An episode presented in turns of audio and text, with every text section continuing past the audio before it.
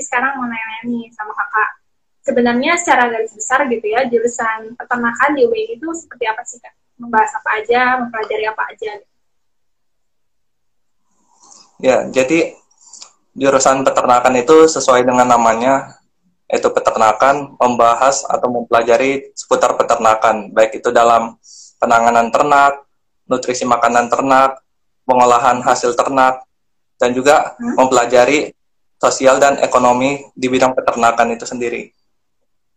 Oke, jadi membahas tuntas tentang seluk-beluk uh, peternakan itu seperti apa ya kak ya? Ya, betul. Oke. Eh, berarti kakak angkatan berapa? 2016? 16. Dulu nih kak, waktu 2016, apa sih yang jadi alasan milih jurusan ini? Ya, jadi sebenarnya saya dulu itu masuk peternakan lewat jalur SBMPTN. Uh-huh. Jujur aja pada SBMPTN dulu peternakan itu saya taruh di pilihan ketiga. Oke. Okay. Jadi ya, pilihan pertamanya itu statistika. Jadi peternakan itu pilihan cadangan saya. Hmm. Ya. Tapi alhamdulillah lulus nih. Lulus di peternakan ya rezekinya di peternakan itu ya alhamdulillah. Berarti ekspektasi dan realita di jurusan itu seperti apa sih kak?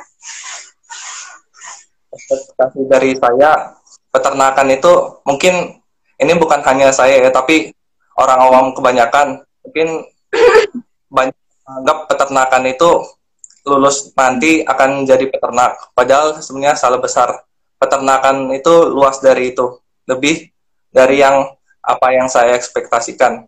Dari peternakan itu kita mempelajari banyak hal yang mana tidak hanya mempelajari secara teori tetapi juga lebih banyak pada praktiknya. Oleh karena itu kenapa di jurusan peternakan itu banyak praktikumnya juga? Jadi saya juga semasa kuliah sering juga turun ke lapangan untuk melaksanakan praktikum baik itu di laboratorium maupun di lapang. Oke. Jadi uh, ternyata luas banget kajiannya dan praktiknya tuh nggak hanya di lab tapi langsung ke lapang gitu ya? Iya betul. Oke. Halo Intipers! Sebelum lanjut mendengarkan podcast ini, kami dari intipkuliah.com punya info menarik untuk kalian siswa SMA sederajat. Ayo ikuti tryout online persiapan masuk perguruan tinggi secara berkala bareng Intip Kuliah. Selain itu, bagi kalian yang masih bingung pilih jurusan kuliah, bisa ikut psikotes dan konsultasi jurusan secara online bareng psikolog atau konselor di Intip Kuliah. Nah, untuk informasi lebih lanjut, kalian bisa chat WhatsApp kami di 0821 2222 0486 atau kunjungi website intipkuliah.com. Selamat mendengarkan kembali Intipers. Mata kuliahnya dulu apa aja sih Kak? Boleh kasih bocoran gitu buat teman-teman SMA nih? Untuk yang semester 1, mata kuliahnya masih dasar dalam artian mata kuliah yang sebenarnya sudah dipelajari pada saat SMA seperti hmm. bahasa Indonesia, biologi, biokimia, bahasa Inggris, PPKN, hmm. ya seperti itu. Untuk yang kedua sudah mulai ada praktek-prakteknya nih kak, praktek di laboratorium dan juga lapangnya. Hmm. Untuk semester 3 dan seterusnya. Oke, okay.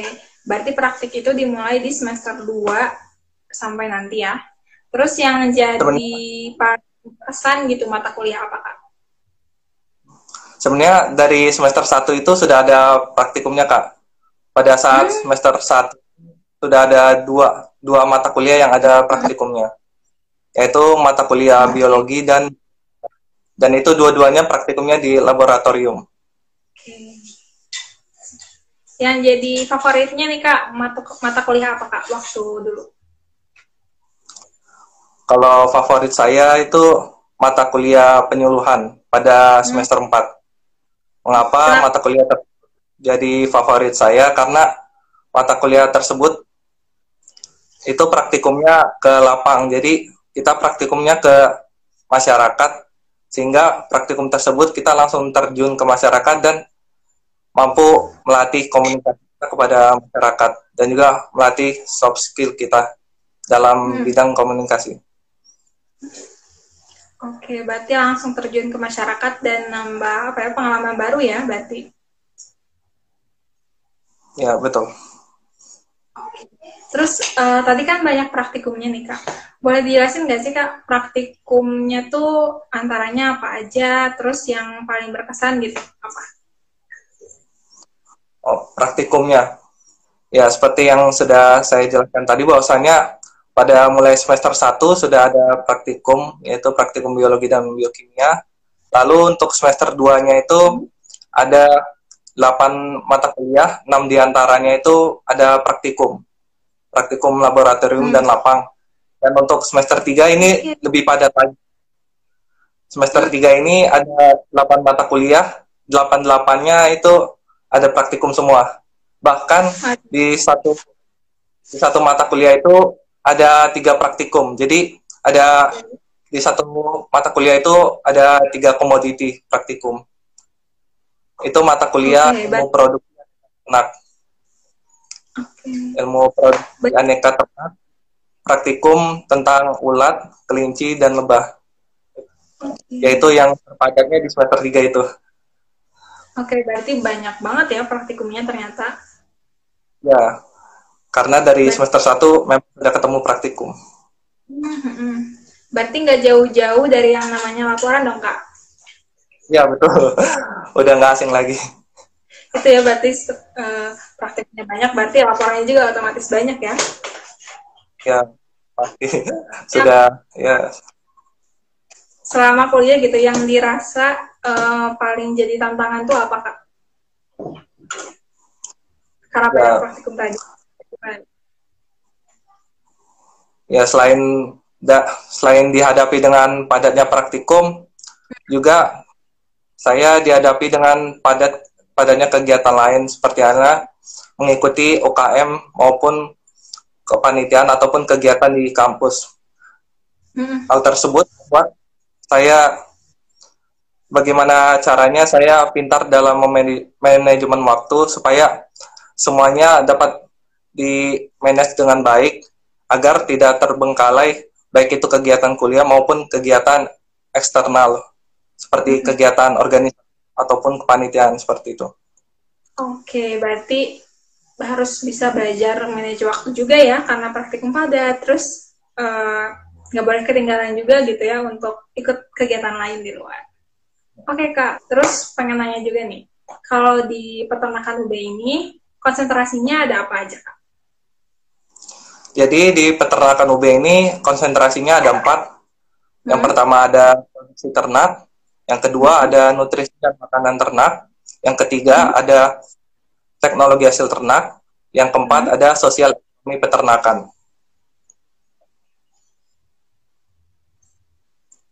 Ya, ada empat. Oke, boleh dijelasin kak um, singkat gitu tiap-tiap konsentrasinya? Ya, jadi untuk produksi ternak itu minat tersebut yang berkonsentrasi kepada bagaimana meneliti suatu ternak itu berapa produksi ternak maupun produksi hasil ternak tersebut dalam rentang waktu per bulan ataupun per tahun. Sedangkan untuk nutrisi dan makanan ternak itu minat yang berkonsentrasi kepada pembuatan pakan ternak maupun maupun pengen, maupun pengontrolan pakan yang bernutrisi. Sedangkan untuk teknologi hasil ternak itu berkonsentrasi kepada pembuatan produk olahan hasil ternak seperti halnya produk susu, produk telur, produk madu, itu semua adalah produk hasil olahan ternak. Dan yang terakhir ada sosial ekonomi peternakan.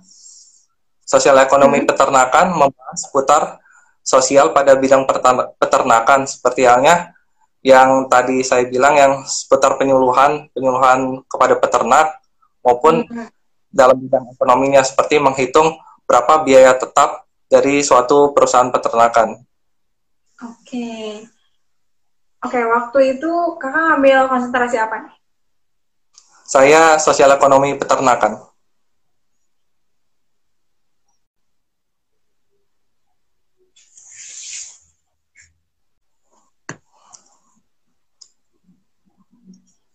Kedengeran nggak? Ya, kedengeran. Dulu kakak konsentrasinya apa nih? Ya, jadi konsentrasi saya kemarin itu sosial ekonomi peternakan. Oke, itu tuh bisa diambil di semester berapa kak?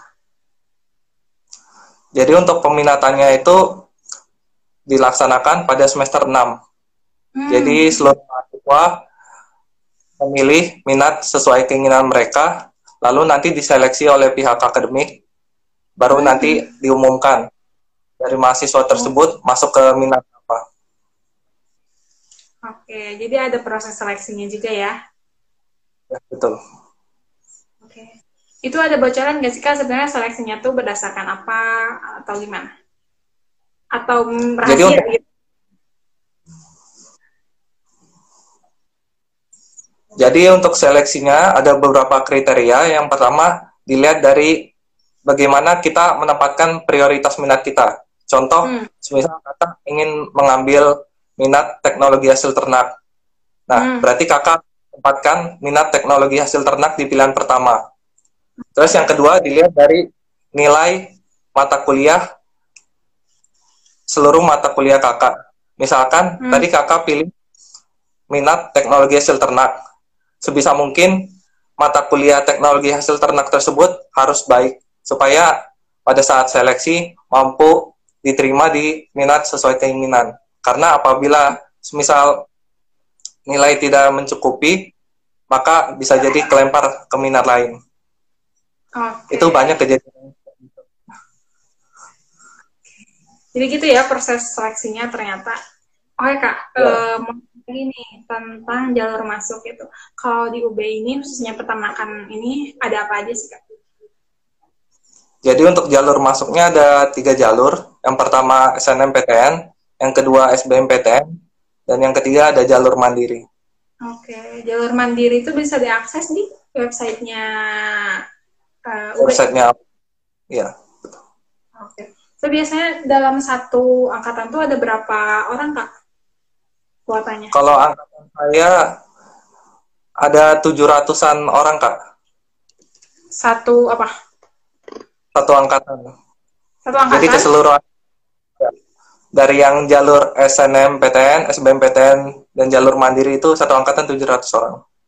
Banyak ya, Kak ya? Ya, lumayan banyak. Oke. Okay.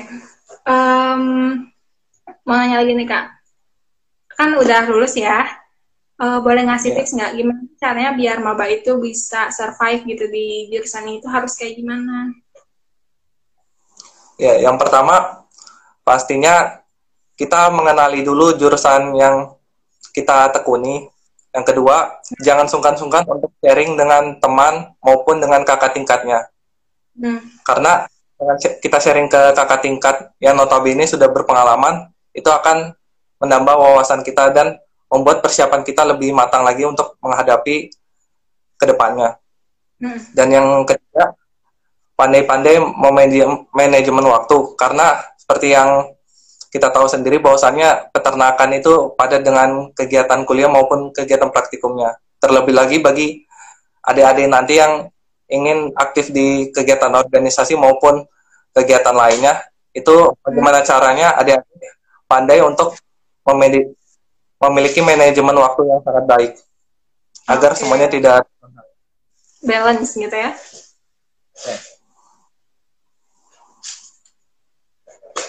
Okay, tadi um, harus bisa menjalin relasi dengan kakak tingkat, terus manajemen waktu juga gitu ya kayak ya, untuk tips-tipsnya biar balance nih di antara praktikum tapi aktif juga di kegiatan lain. Oke okay, kak, uh, ini jadi pertanyaan yang banyak juga ditanyain tentang prospek kerja sama alumni itu biasanya kerja di mana kak? Jadi prospek kerja dari peternakan sendiri hmm? bisa kerja di bidang mana saja seperti halnya pada bidang industri, untuk teman-teman lulusan peternakan bisa bekerja di industri seperti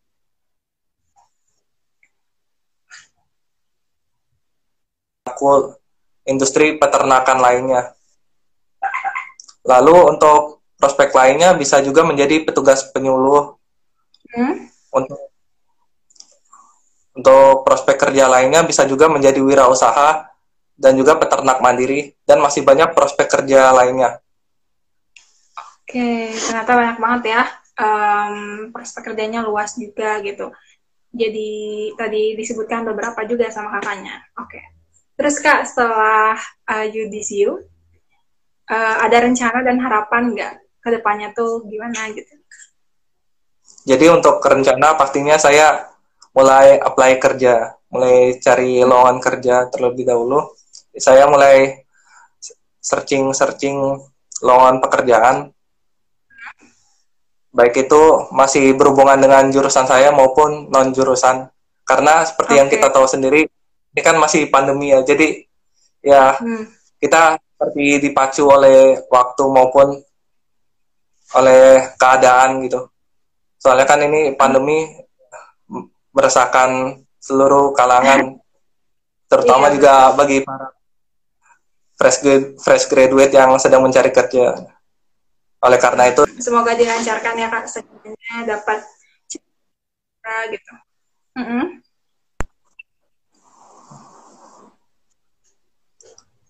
Oke. Okay. Nah, Kak, ini ada pertanyaan nih dari Eurolarina. Kak, kuliah di peternakan UB asik gak?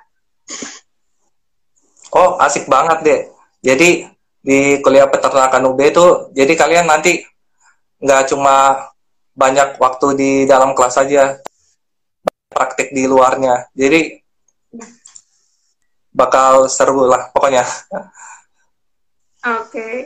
jadi nggak hanya di kelas aja, tapi di lab juga, di lapang di lapang juga gitu ya. Biasanya kalau praktikum ke lapang tuh ke mana aja sih kak yang pernah dilakuin gitu? Ke selain ke masyarakat tadi. Oh jadi kalau untuk lapangnya itu terutama untuk praktikumnya kami sering di laboratorium laboratorium lapang sumber sekar. Itu letaknya kurang lebih 10 km dari Universitas Brawijaya. Oke, jadi emang Lalu, udah ada tempatnya sendiri ya? Iya, hmm. betul. Lalu gimana? Lalu ada juga peternakan peternakan lebah kembang joyo itu untuk praktikum yang ilmu produksi aneka ternak tadi. Lalu juga kita praktikum di Rumah Potong Hewan Kota Malang.